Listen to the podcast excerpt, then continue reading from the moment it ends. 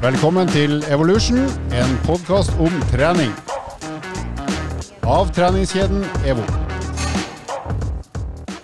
Du hører på podkasten Evolution. Til stede i buret i dag har vi Andreas Skjetne, God dag, god dag.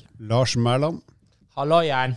med kortklipt skjegg. Kortkliptere skjegg. Tredagers. All right. Men det har bare vart i to. Eh, ja, det kommer litt an på hvordan du teller de døgnene. Og så er det undertegnede Halvor Laustad som ikke har skjegg, men har hår på ryggen. Skulle hilse fra en bekjent av oss, eh, skal hilse fra en bekjent av oss, en venninne av oss, Halvor, og gratulere deg med veldig god hårdag i dag. Takk for det. Hvem er det? Eh, Mora mi? Faktisk. Hun sendte meg en melding. Du kjenner henne? Ja. Ok. Ja, hun eh, var jo bra, hun, på, i sine glansdager for noen år siden. Kan jeg, kan jeg spørre deg, det er jo litt sånn litt rart å gjøre, men Er det privat eller personlig? Eh, nei, det handler om hårsveis. Vær så god. Hva er din favoritt-hårsveis? Altså ikke Altså ikke på meg sjøl, hvis, for jeg føler jo sjøl at jeg har nådd mitt optimale eh, nivå på hårsveis sjøl. Ja, eh, det er jeg helt enig i, faktisk.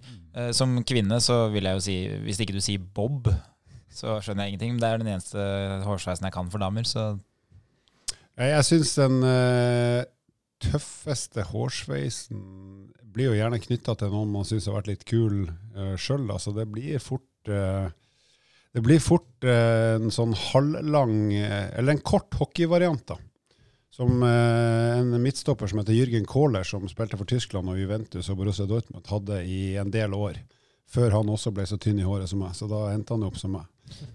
tror egentlig du refererer til en sveis nå som heter Business in front, party in back. Det stemmer nok. Det er ganske kult navn på, på sveis. liksom. Det er jo en sånn hockey med, der du er litt sånn finklipt foran, og så har du litt sånn tjafs bak. Eller på fotballspråket midtstopper foran og angriper bak. Tror jeg faktisk. Hos meg så står det mellom den sveisen og så flat top. Den som alle amerikanere hadde på 90-tallet, når, de- når de kunne sette fra deg kaffen oppå toppen av hodet deres. Ja, Det er vel for at det skal se ut som tupé, tupé uten at det er tupé, er det ikke? ja. Jeg som har god, god hårvekst. syns det er ganske fascinerende. Bortsett fra det så har jeg alltid vært litt sånn fan av en klassisk mohawk også. Der du bare lar det stå igjen og renne midt i sveisen, liksom. Det er ganske kult. Ja, Men da skal du være ganske sterk eller tøff for at det kler deg. Ja, du, du skal vel egentlig det. Hvis ikke så er vel den uh, Mr. T-aktig. Mr. T, Hva heter den alle klipper seg? Uh, eh, Kort, Sidecut. kort, kort oppå pigg i nakken. Er ikke det, var ikke det sommerklippen for uh, norske barn i 50 år? Det tror jeg nok. Jeg tror det, tror det er sånn eh, som eh, alle generasjoner kjenner seg igjen i. Er det for at foreldrene må klippe deg pga. frisøren er stengt? Eh, ja, det så vel nesten sånn ut. Sommers, altså sommerstengt, så vi bare driter i det så lenge du skal møte andre igjen, at vi bare gjør det sjøl. Det så sånn ut, i hvert fall. Jeg ble faktisk klippet av mora mi helt til jeg var 14 år. Ja, jeg, det, det er vi to. ikke mora di, men mora unormalt, jeg dro ikke til Bodø for å klippe meg. Ja, Mora mi var eh, relativt stø på hånda, vil jeg si, men hun hadde ikke noe stort repertoar i sveis, så det ble jo det samme fra jeg var to til jeg var 14. Maskin eller saks? Saks, ja ja, saks. Kjøkkensaks. Ja, og så er det jo det er jo én ting til her som vi må ta i betraktning, og det er jo at det var jo begrensa hvor mye skade du kunne gjøre. Ja, men det skjønte jo ikke jeg den gangen. Nei, det Hadde jeg visst det nå, så hadde jeg vært kjempefornøyd, men det kunne jeg ikke være da. For jeg var eh, sannsynligvis den minst kule på håret gjennom hele barneskolen og ungdomsskolen. Jeg føler jo det når jeg kommer til frisøren nå, at når de spør meg hvordan vil du ha det, så føler jeg jo at jeg liksom sier det jo på en litt sånn useriøs måte. Altså i hvert fall sånn jeg leser de, da, at de oppfatter meg som litt sånn useriøs for så viktige ting. Og når jeg alltid følger opp med at ja, det er ikke så farlig, for det vokser ut igjen uansett, så føler jeg liksom at jeg kanskje Jeg undergraver egentlig den prestasjonen de Så skal du, si litt mer hvor du går til frisører. ja, ja, ja, hvor mye betaler du for den sveisen du innehar akkurat nå? Nei, altså som jeg sa, da, jeg brukte mutter'n en stund, og så i eh, ganske mange år så klippet jeg meg hos uh, Berivar i Lillestrøm.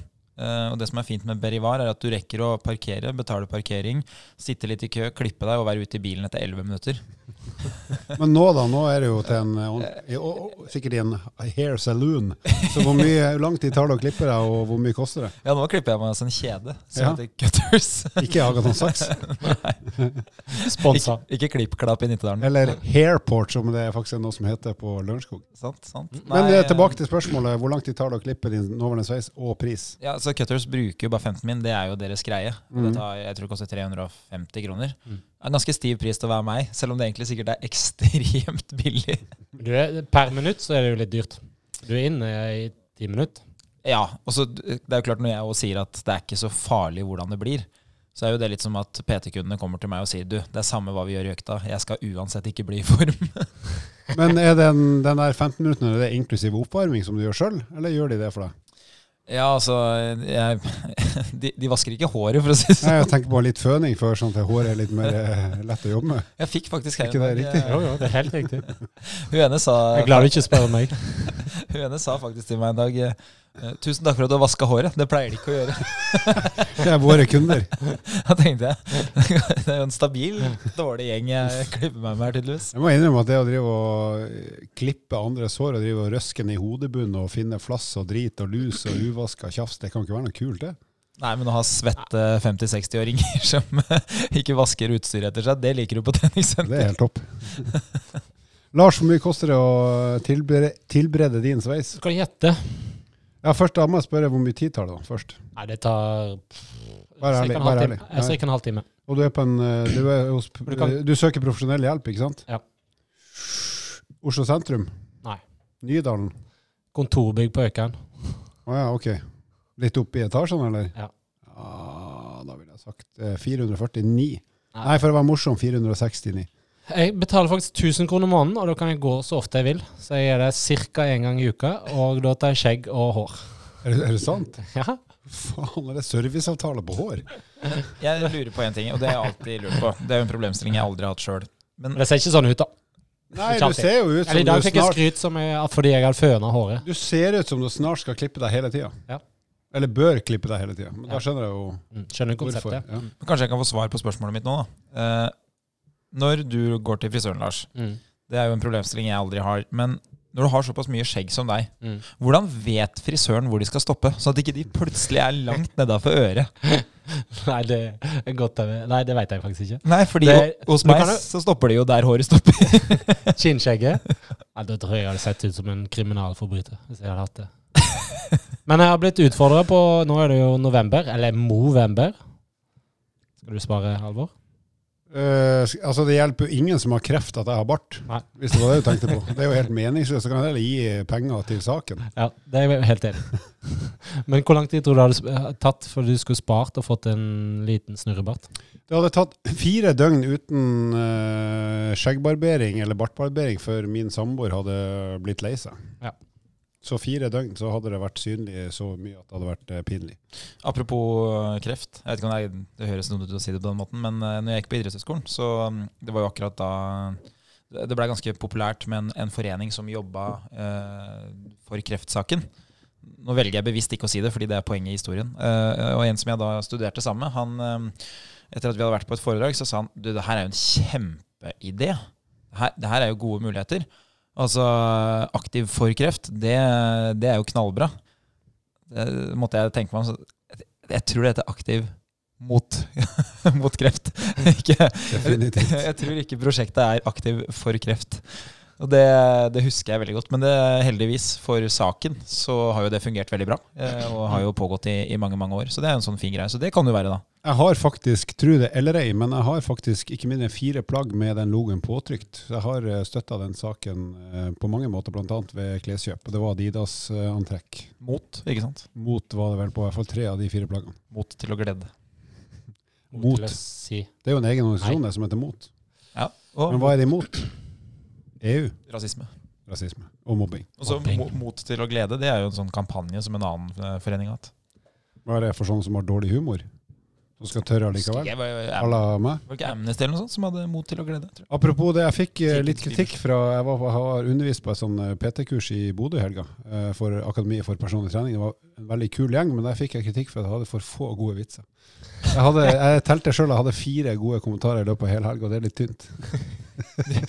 De mente, En hver Det ble kommentert i feedbacken. de mente at uh, repertoaret ditt var større enn som så. Til å være nordlending så burde det vært bedre. Burde levert bedre. Bra. Vi skal snakke om et meget interessant tema. Det gjør vi kanskje hver gang, men definitivt uh, i dag. Så gled dere, for om sju sekunder så får dere vite hva det er.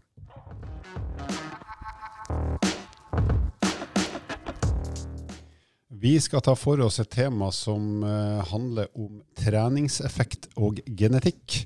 Og I VG så er det en eh, dyktig journalist som heter Anne Bergseng, som har skrevet en større sak om eh, hvordan genetikk kan påvirke treningseffekten eh, hos ulike mennesker, eller strengt tatt hos alle mennesker. Og I den saken så har bl.a.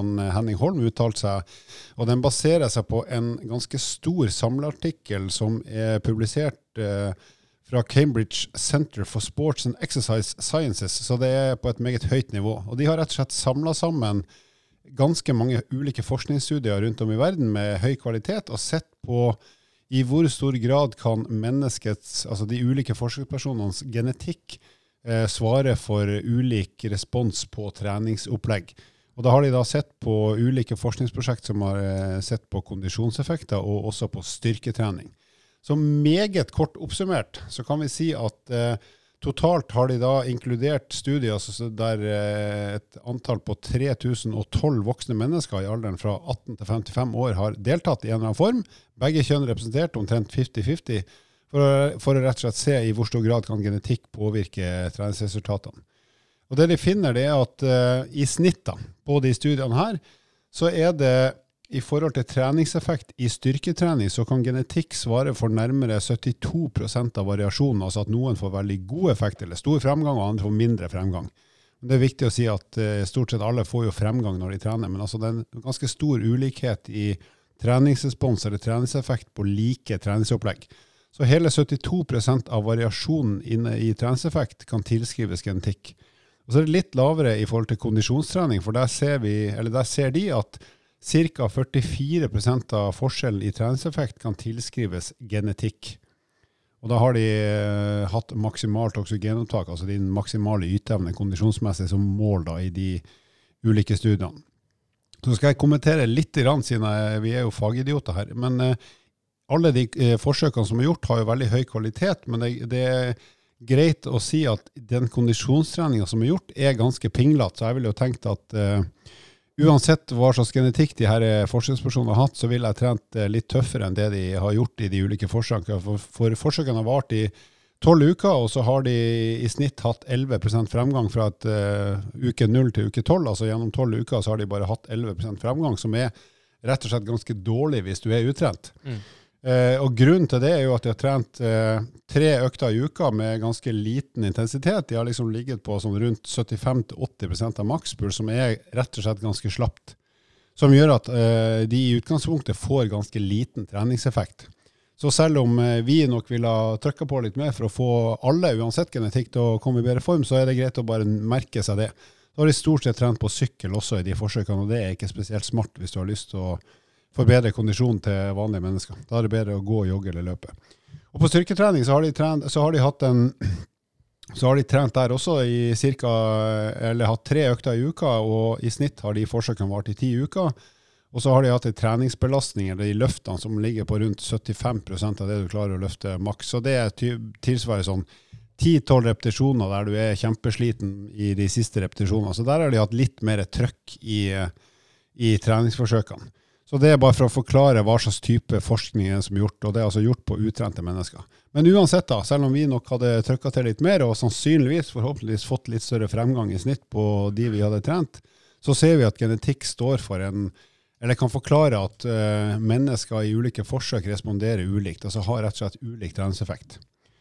Uh, så hva tenker dere gutter, stemmer det her med det dere sjøl opplever på, for egen del? Vi kan begynne med oss sjøl først, siden vi er egoister alle tre. Er det noen type treninger som eh, dere som enkeltindivid eh, åpenbart responderer bedre på enn andre, hvis vi tar noe kondisjon og styrketrening som hovedkategorier? Ja, altså Hvis vi gjør det veldig enkelt da, og ikke sier noe om eh, liksom sånne rene organiske forskjeller, men bruker kroppsfasong, da, f.eks., mm. så vil det jo være sånn at det er jo hensiktsmessig å være høy i en del idretter. Skal du spille sandvolleyball, volleyball eller basket, så er det jo lite gunstig å være ganske lav. Det vil jo gjøre at du må kompensere noe vanvittig med spenst eller ferdighet, og det klarer man som regel ikke. Og så ser man jo igjen det i en del andre idretter, og det trenger ikke være så ekstreme tilfeller, men um, f.eks. i en del kondisjonsidretter så er det jo en stor fordel å kanskje ikke være veldig, veldig stor, Så hvis du er over to meter, så er det, det er lite trolig at du blir ekstremt god i vektbærende idrett. da.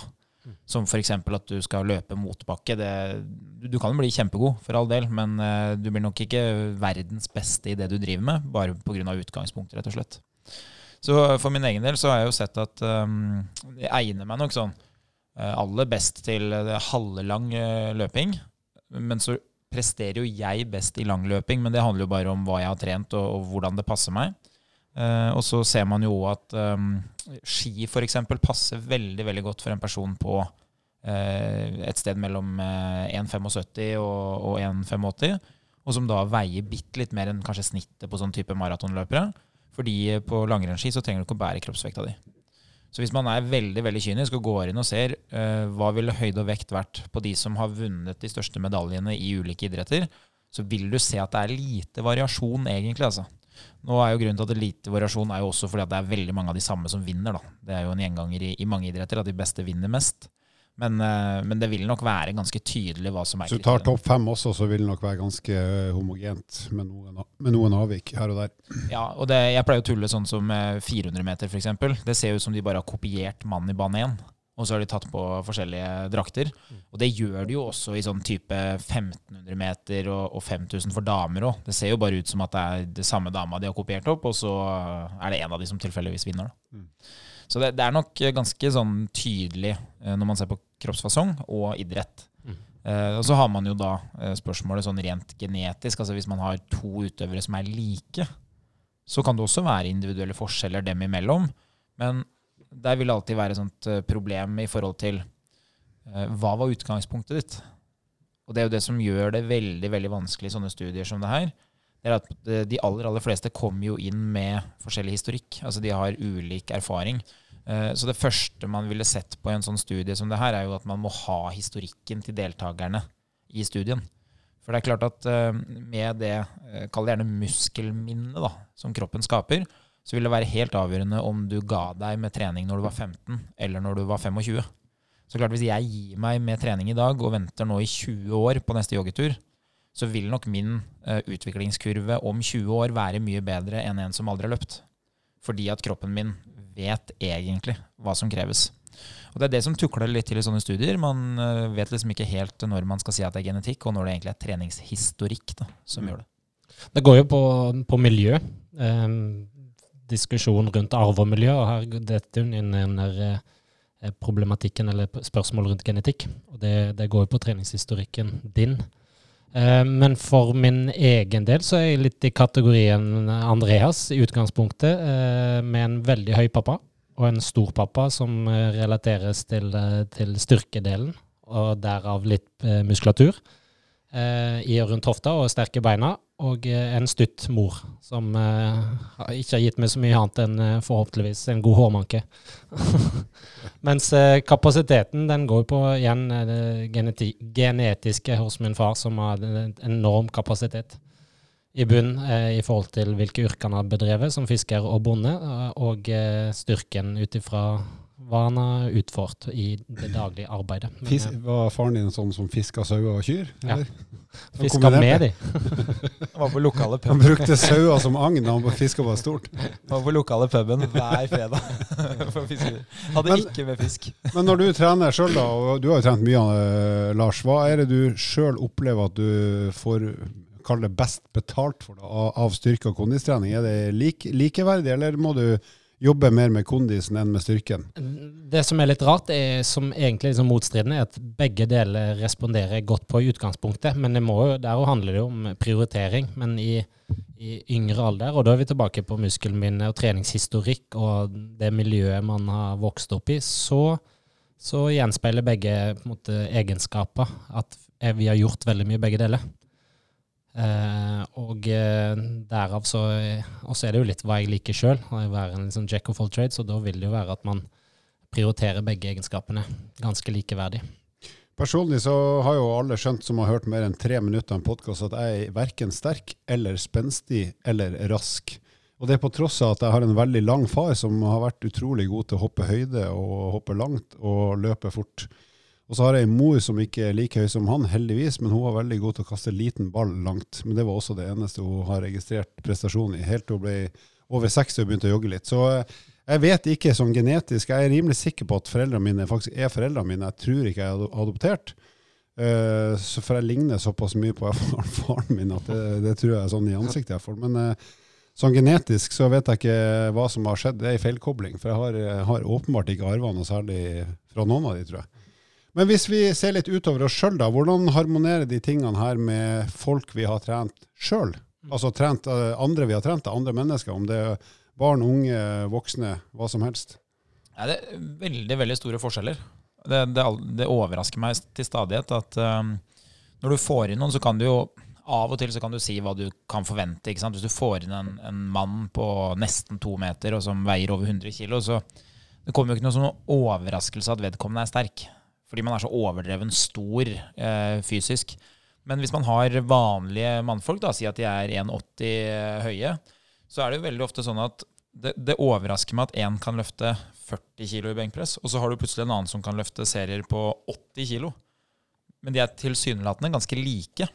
Så det er, det, er, det er, ganske store individuelle forskjeller. Men som jeg var inne på i stad, nesten alltid når jeg begynner å prate med dem om hva de har gjort, så, så vil du etter hvert det kommer jo noen knagger å kunne henge det på. At de, de har trent litt eller gjort et eller annet som ligner, eller Men uh, i utgangspunktet så er det, det er ganske store forskjeller. Det er jo noen som kanskje må bruke et halvt år på å komme opp i en fornuftig joggefart.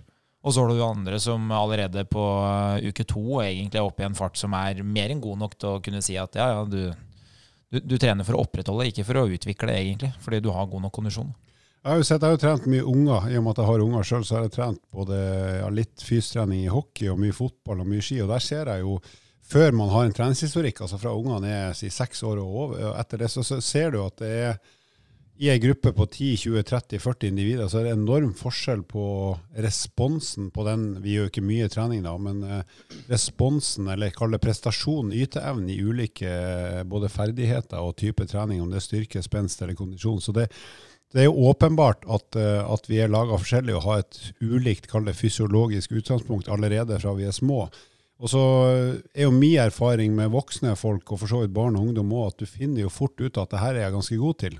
Hvis du holder på med litt mer enn én sport. Hvis du ikke ender opp med å spille fotball med en gang, men prøver litt andre ting, så vil, jo, vil jo de fleste få en opplevelse at det her var jeg ikke så god til, det var litt kjedelig, for det får jeg ikke til. Og, og så er det plutselig at du er god til å kaste stein eller kaste spyd eller hoppe høyt. Altså Du finner ut at det her er ganske bra på. Da er det jo sannsynligvis at du har en eller annen genetisk disposisjon til å respondere godt på en eller annen type bevegelse eller måte å bevege seg på, da, som gjør at du fort ender opp med å reindyrke den. Som jo ofte kan forklare, som du sier, Andreas, hvis du da tilsynelatende er utrent som 40-50-åring, så har du kanskje gjort ganske mye barne- og ungdommen som, som, du får litt uh, renta for når du begynner på igjen. Mm. Og det, I forhold til toppidrettslivet, eller den verden som er observert, så, så er det et flåsete utsagn som sier at du er sønn av din far, eller din sønn av din mor. Uavhengig helst, av hvilken. Helst begge. Ja. Men uh, i forhold til når du har sett dem i, i, in real life, som jeg har fått oppleve i hvert fall i den idretten som jeg har vært nærmest, og da er det veldig lett å se hvor den styrken potensielt kan komme fra. Uh, og mange av de som lykkes, har uh, rett og slett valgt riktig mor og far i mange tilfeller. Ja, altså det ligger noen forutsetninger der som du ikke kan bestemme sjøl, egentlig. Ja, det er en genetikk som gjør at du får, uh, har større forutsetninger for å lykkes i den idretten du da har valgt.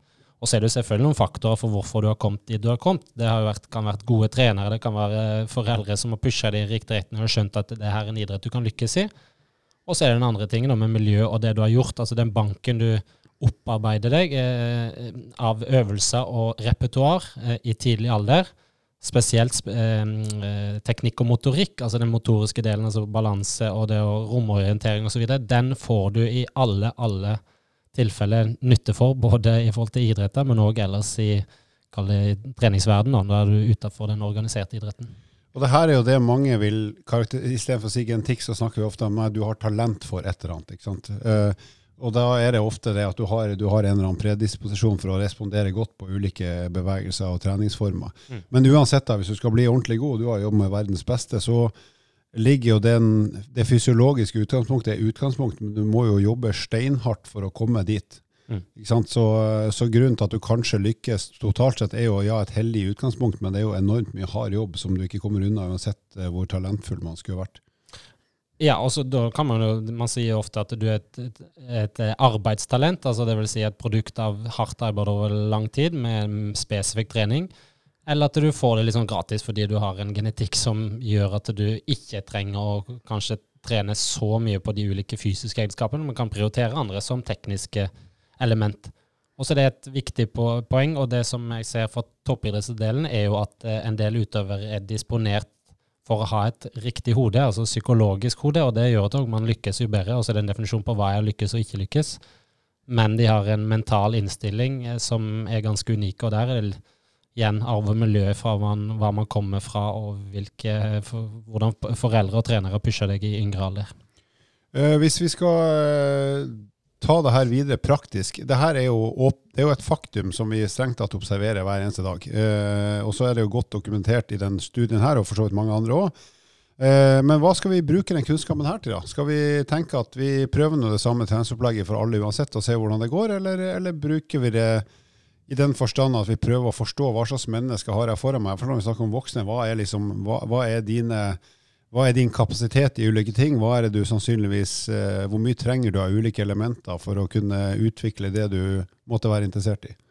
Det som er vanlig, da, hvis, eh, hvis man tar Lars, da, sant, så ville man jo ha sett på noen arbeidskrav. For det, det hjelper ikke en utforkjører at man er fryktelig god i tennis, f.eks. Så det er ikke noe vits å jobbe med, med koordinasjon, ball, hånd. Så da, da lager man tydelige arbeidskrav. Men når man da snakker om vanlige mennesker, så bortfaller jo de arbeidskravene som liksom er veldig sånn tydelige i idrettene. Men det betyr jo ikke at man ikke har arbeidskrav i det vanlige liv. Så eh, For en stund tilbake så skrev jeg en artikkel akkurat eh, om det her, som man kan finne på Evolution. Og Det er egentlig da bare sånne helt enkle arbeidskrav til eh, hverdagen. Hva er det du skal velge når du skal trene, hvis du ikke har peiling på hva du egentlig trenger. Og Det viktigste det er jo da du er nødt til å gjøre noe som både trener hjerte og bærende muskler, altså de store muskelgruppene. Uh, og da må du trene et eller annet. Fordi det du ønsker å oppnå, det er å gjøre noe som er tyngre enn det du gjør til vanlig. Uh, og logikken i det er at hvis du uh, har en eller annen type jobb, eller du har en hverdag hvor du er nødt til å løfte på noen små ting, alle må det, ikke sant? det er umulig å komme seg unna det. Så vil det være sånn, og det vet vi da av forskning, at det tyngste du gjør, det byr på ganske høy belastning. Og det er faktisk litt sånn uavhengig av hvor tungt det er, så lenge det er det tyngste du gjør. Så hvis du er god for å løfte noe fra bakken som veier 20 kg eller 200 kg, så vil det være veldig tungt for kroppen om det er det tyngste du klarer. Så Derfor er det en kjempefordel for de fleste da, i litt sånn sikre former og med god liksom, eh, avstand mellom treningsøktene og jevnlig for å få utvikling. Eh, så er det smart da å trene på det, sånn at det du møter i hverdagen er lettere. Og Det kan jo være da å kjøre markløft for å kunne løfte. eh, Det kan være å jogge litt på mølla for å trene hjertet, sånn at ikke det du gjør til vanlig er det tyngste. Og de stedene hvor man har sett at det her gjør seg mest gjeldende for vanlige mennesker, det er jo gjerne da f.eks. håndverkere, eh, elektrikere som jobber mye i taket. Eh, Og mange av de tenker jeg trenger ikke å trene, for jobben min er så hard. Men det er jo egentlig det motsatte som er svaret. Du trenger å trene spesifikt med de musklene på de oppgavene som er harde. Da vil du få mindre slitasje. Så hvis du egentlig er god for å løfte 60 kg over hodet, og du løfter 4 kg over, eh, over hodet, men 100-150 ganger om dagen, så vil det egentlig være en lav belastning. Det er derfor skiløpere kan gå 50 mil på ski oppe på mylla, eller 70 mil. Det er fordi at de har trent seg til det. Så, og for de å da stake 10 km er null problem. Hvis du sender vanlige mennesker inn i sånne oppgaver, så ville de jo ødelagt både armer og skuldre. ikke sant? Så det å trene seg til å tåle hverdagen, det er en veldig veldig smart måte å gjøre det på. Og så gir det eh, deg en, sett fra et PT-øyemed eller personlig trenerøyemed ut mot kunder og medlemmer, så gir det deg noen, mm, eh, noen unike muligheter i forhold til treningsprinsipp. Altså det med variasjon, tilpasning, individualisering. Eh, så de, gitt at f.eks. En, et menneske eller du som hører på, har lange armer, så er det ikke sikkert det å trene benkpress eller pushups er den mest hensiktsmessige måten å trene bryst på, f.eks. Fordi man får en lang arbeidsvei. Det er jo genetikken, fordi du har eh, lange armer. Sant? Sammen med knebøy, at du har et langt lårbein, som kan gjøre at det blir vanskeligere for deg å komme ned i en dyp knebøy, f.eks. Du snakker til meg nå, ikke sant? Ja, jeg ser på Alt det du sier nå stemmer med meg. det er mer enn bare hårsveisen din som er bra i dag.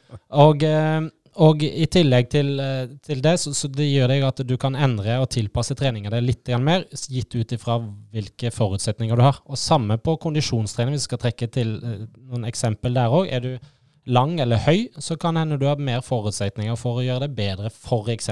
på roing eller staking, hvor du da kan få utnytta høyden din og krafta di eh, til å skape et større moment, og kanskje få bedre fremgang enn en litt kortere person som vil ha en kortere arbeidsvei, f.eks. bromaskiner. Altså det vi egentlig sier, er at uh, nummer én, ikke vær overraska over at du kanskje er bedre eller flinkere enn noen andre som du tenker at du er ganske sammenlignbar med i enkelte aktiviteter eller treningsformer uh, eller øvelser. Og så er det andre elementer i treninga som du syns at ja, men hvorfor er jeg dårligere enn deg? Vi, jo, vi gjør jo omtrent det samme. Det er helt naturlig. Og det har med hvordan vi er laga i skjelettet, og ikke minst hva slags muskulatur og hva slags type muskelceller vi i utgangspunktet har, og hvordan de i utgangspunktet responderer på ulike treningsformer. Så det er helt naturlig. Så det vi bør gjøre som trenere, i hvert fall når vi skal hjelpe andre, og for så vidt hvis du er nysgjerrig på deg sjøl, det er å begynne å forstå litt hva er det hva, er det, hva responderer du best på, og hva er det du eventuelt må jobbe mest med for å bli bedre i, den, i forhold til å nå de målsettingene du har, enten det er å bare fungere i hverdagen, eller å bli litt bedre på løping eller benkpress, eller hva det skal være. Sånn at du prøver å være litt bevisst på hva er det som skal til for å skape fremgang på de elementene du har lyst til å bli bedre på på ditt eget nivå, og så se Uh, hvor, hva, hva, må til for at du når, det, uh, når dit? Og hvis du føler at jeg får ikke betalt i det hele tatt, hva med å prøve noe annet? Bare for å se om du kanskje har en eller annen genetisk disposisjon og på andre måter er laga for å respondere bedre på f.eks. en annen kondisaktivitet, eller rett og slett bytte fra styrkefokus til kondisjonsfokus, bare for å variere. Ja, og så er Det jo, men det, det er en ting som jeg liker at, uh, at hvert fall mine PT-kunder forstår, da, og som jeg tror menigmannen menigmann i gata òg egentlig burde ha forstått. Og det er jo at hvis du driver med idrett, altså hvis vi bruker sammensatte idretter, da eh, For noen av de veldig sånne spesifikke idrettene så er det litt vanskelig. Men hvis du bruker fotball, da. Hvis du er ekstremt god til å skyte i fotball, eh, så kan det være hensiktsmessig å trene enda mer på å skyte. Som Halvor gjorde i barndommen? ja, Man kicker på det amerikanske Men, men det, det, betyr at hvis du da uh, hvis du da har noen elementer ved arbeidskravene i fotball du egentlig ikke er så god til, så er det ikke sikkert at det er veldig hensiktsmessig å bruke opp tida si på det. Hvis du har et veldig bra høyrebein, er det da verdt å bruke ekstremt mye tid på venstrebeinet? Fins det kanskje noen ting som er enklere å hente fram, som du trenger å bruke mindre tid på? Men når du er et vanlig menneske og trener på et treningssenter, eller om du trener hjemme, så er det helt motsatt. Da bør du fokusere på de tingene du er dårlig på. Så hvis du er veldig sterk, men du har kondisjon eh, som om du nesten må ligge stille i sofaen, så er det kondisjon du bør eh, fokusere på. Du bør ikke bli enda sterkere. Og det ser man jo ofte på treningssenter, at mange av de som trener mye styrke, de, de har sånn Hvis man skal være helt ærlig, de er mer enn sterke nok til de oppgavene de gjør. Men hvis bussen går nå, så er ikke de med på den bussen. For da Det klarer de faktisk ikke. Liten side note der, og det er jo det eh, med motivasjon, det psykologiske, mentale aspektet rundt det, det er jo mye gøyere å få til ting som du er mer disponert for å få til, rett og slett. Om det er styrke eller kondisjon eller hva det måtte være hverdagsaktiviteter, så så ha det i bakhodet og gjør aktiviteter som er deg mer nærliggende å, lykkes i. Og for å følge opp det, uh, i og med at vi kjenner oss sjøl ganske godt treningsmessig Hvis vi uh, nå, hvis vi med alt det vi vet om oss sjøl nå, skulle tatt et valg når vi var la oss si, åtte år gammel, på hva, hva slags idrett skal jeg nå velge, basert på det vi nå vet om vår egen fysiologi, genetikk, motivasjon, bla, bla, bla, hva hadde vi endt opp med da? Hvilken idrett hadde du valgt Andreas, for å bli best mulig med dine anlegg? Jeg har, eh, jeg har et problem. Jeg har jo tenkt på det her eh, lenge. Eh, og det er at gjennom barndommen så har jeg gjort veldig mye forskjellig. Alt fra å gå på ski, stå på skøyter altså, jeg har egentlig Har du gått på skøyter, eller bare sto du? Nei, jeg har ikke fått gått på skøyter. Det er jo egentlig det, det er kanskje en av de store norske idrettene jeg har igjen. Jeg har stått på skøyter, altså da løkkehockey, men jeg har aldri fått gått i ring. Selv om jeg har øvd på å gå i ring på hockeyskøyter, da selvfølgelig. Men eh, nei, så det jeg har sett, da det, Jeg fikk vist det ordentlig godt fram når jeg gikk på idrettshøyskolen. For der på førsteåret så har man da mange ulike idretter som man skal bruke hvis man skal bli gymlærer, f.eks. Og da så jeg jo at uh, sammenligna med mange andre, så er jeg Det høres jo veldig selvskrytt ut, da, men jeg er veldig god. Men jeg er jo aldri best i noen ting. For jeg har jo aldri gjort det nok, eller har aldri hatt liksom den ekstreme ferdigheten. Du har vært god på å planlegge litt sånn som jeg, da? ja, ikke sant? Så jeg så f.eks. I, i friidrett så kunne jeg kaste mye lenger enn gjennomsnittet. I, i høyde så hoppa jeg 1,80 i høyde, som er egentlig Det er bra. det er bra, men det er jo, du har jo ingenting i et friidrettsstevne å gjøre. Altså du, du vil I halvparten av norske idrettsklubber så ville du kanskje hatt rekord, men du får ikke lov til å delta i NM. Altså du, det er ikke NM-krav engang. Så, så det jeg har sett, da, det er at jeg valgte fotball, som er en idrett jeg er god i. Men det som er problemet i fotball, er at eh, ekstremt mye handler om spillet, og ikke den fysiske ferdigheten. Eh, så jeg var god med ball. Men eh, jeg var veldig dårlig sånn i forhold til å orientere meg, fordi jeg blir så opptatt av oppgaven. Så eh, hvis jeg skulle valgt igjen, så tror jeg jeg hadde valgt noe som er sammensatt, som gjør at jeg kunne ha fått trent i hjel motstanderne. Men samtidig så måtte det vært litt sånn spesifikke idretter, så kanskje tikamp, rett og slett. For da hadde du fått muligheten til å bruke fart, spenst, kast. Altså du hadde Når du begynner å rangere, da, du ville ikke vinne i øvelse 1, du hadde ikke vunnet øvelse 2, ikke 3, men eh, når du kommer til øvelse 10, så er det heller ingen andre som har vunnet i alle øvelser.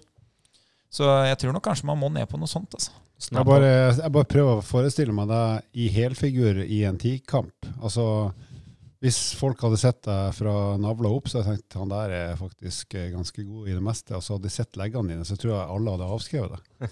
I alt som har med løp å gjøre. Ja, men jeg har 5.05 vet du, uten å ha trent hurtighet noen gang. Jeg vet det, men jeg bare tror at eh, ja, kanskje det folk hadde undervurdert deg sånn at det hadde slått positivt ut for deg. ja, det, fordelen min da, det er jo at fattern har store legger.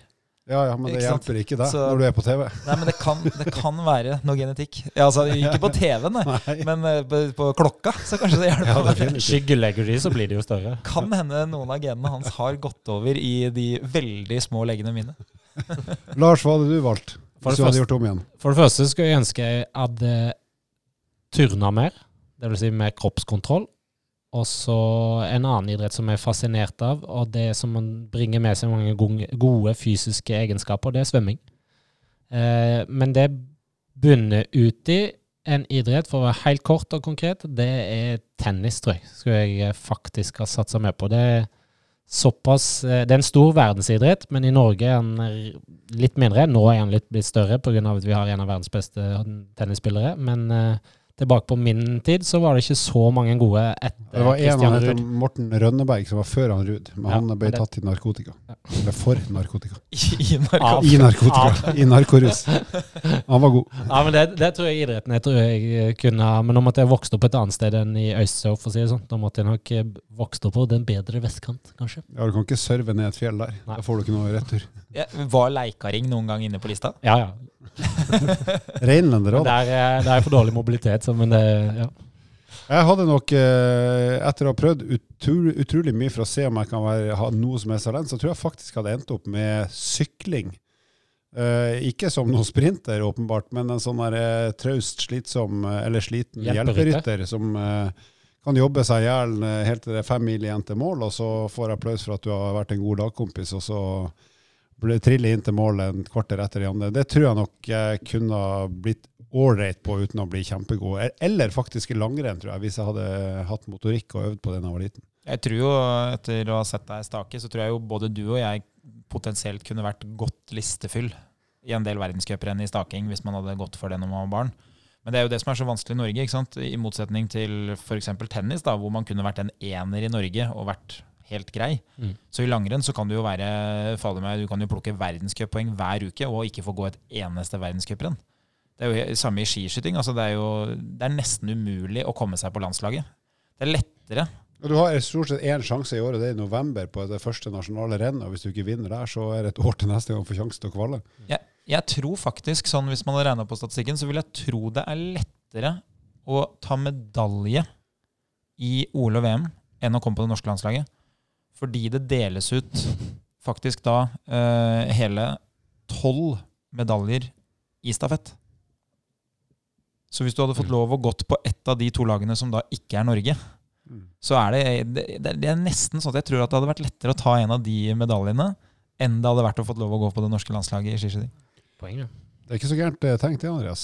Jeg er ikke sikker på om det er rett, men det er et poeng i hvert fall. Det er et poeng. Det vitner bare om at eh, vi driver det som toppidrett, mens resten av verden driver det som hobby.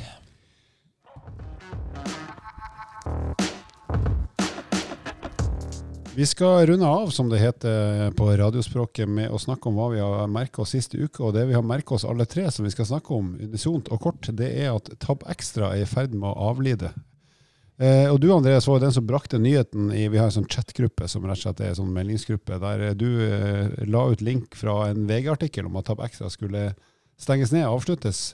Har det trådt i kraft, eller skal det snart tre i kraft? Jeg har en oppfølging på det. Ja. Eh, apropos, jeg hørte på en podkast tidligere i dag hvor de snakka om eh, de stakkars utegående reporterne som veldig ofte ikke får informasjon om at ting har endra seg mens de står og venter. Eh, og det som har skjedd nå, er at jeg så det var noen som hadde lagd støttegruppe for Tab Extra og skulle boikotte. Er det det Coca-Cola Company? Ja, det, ja, Cola, ja. Jeg skal bli, jeg blir med der. mm. Altså, jeg må jo si, min, minnet mitt Jeg har jo drukket mye Tab Extra. Ikke sant? Eh, For de som er på min alder og eldre, og kanskje litt yngre òg, så var det jo sånn Sukkerfri brus var jo et fenomen som ikke fantes før du fikk eh, Det var vel Tab Extra som jeg mener i hvert fall jeg først ble introdusert for. Og så kom Cola Light, eller Coca-Cola Light. eh, lenge etter det, egentlig. Men Tab Extra var liksom den første brusen som du kan si så ut som brus og smakte brus, iallfall i min oppvekst, som var sukkerfri. Men om det her er på 90-tallet, ikke det tør jeg ikke si. Men, så jeg har rett og slett mange eh, jeg skal ikke si rørende øyeblikk knytta til Tab Extra, men jeg har drukket mye Ta- Tab Extra fordi at det var det eneste sukkerfrie alternativet som jeg øh, ville anerkjenne som en brus. Og vi, eh, vi følger jo den saken her tett eh, på vegne av deg. Daglig. Ja, fordi vi, Tab Extra for meg, det er bare én ting. Det er selve liksom definisjonen på ikke hoppe på første og beste. Altså, det smaker ikke godt. Nei, nå gjør det jo ikke det, det må jeg innrømme. at Det er jo mange som er mye bedre nå. Men eh, når det er eneste alternativ, så er det jo det beste. jeg skal innrømme det. Jeg har aldri smakt det, tror jeg. Det fantes ikke øyse for å si det sånn, i vareutvalget der. Da har vi med Altså, jeg husker eh, på den nærbutikken i Bodø, som var veldig liten og veldig nær, men der var jo Tab Extra var jo La oss si at du har eh, 1000 brusflasker da i den butikken, så du kan velge, og så er det kanskje ti ulike sorter. Så hadde de, av de 1000 flaskene, så var det kanskje fire av de Tab Extra. Og det var som regel minst tre av de som sto usolgt. Men, eh, men eh, jeg husker at jeg prøvde det og syntes det var eh, kurant. En av mine morsomste sketsjer, altså ikke mine, men som jeg har sett den, Nå er den kanskje litt sånn politisk upassende. Men det som var liksom veldig morsomt den gangen, da, det var jo eh, Ut i vår hage, tror jeg det var. Ja, ja, ja. Med Børge Ausland.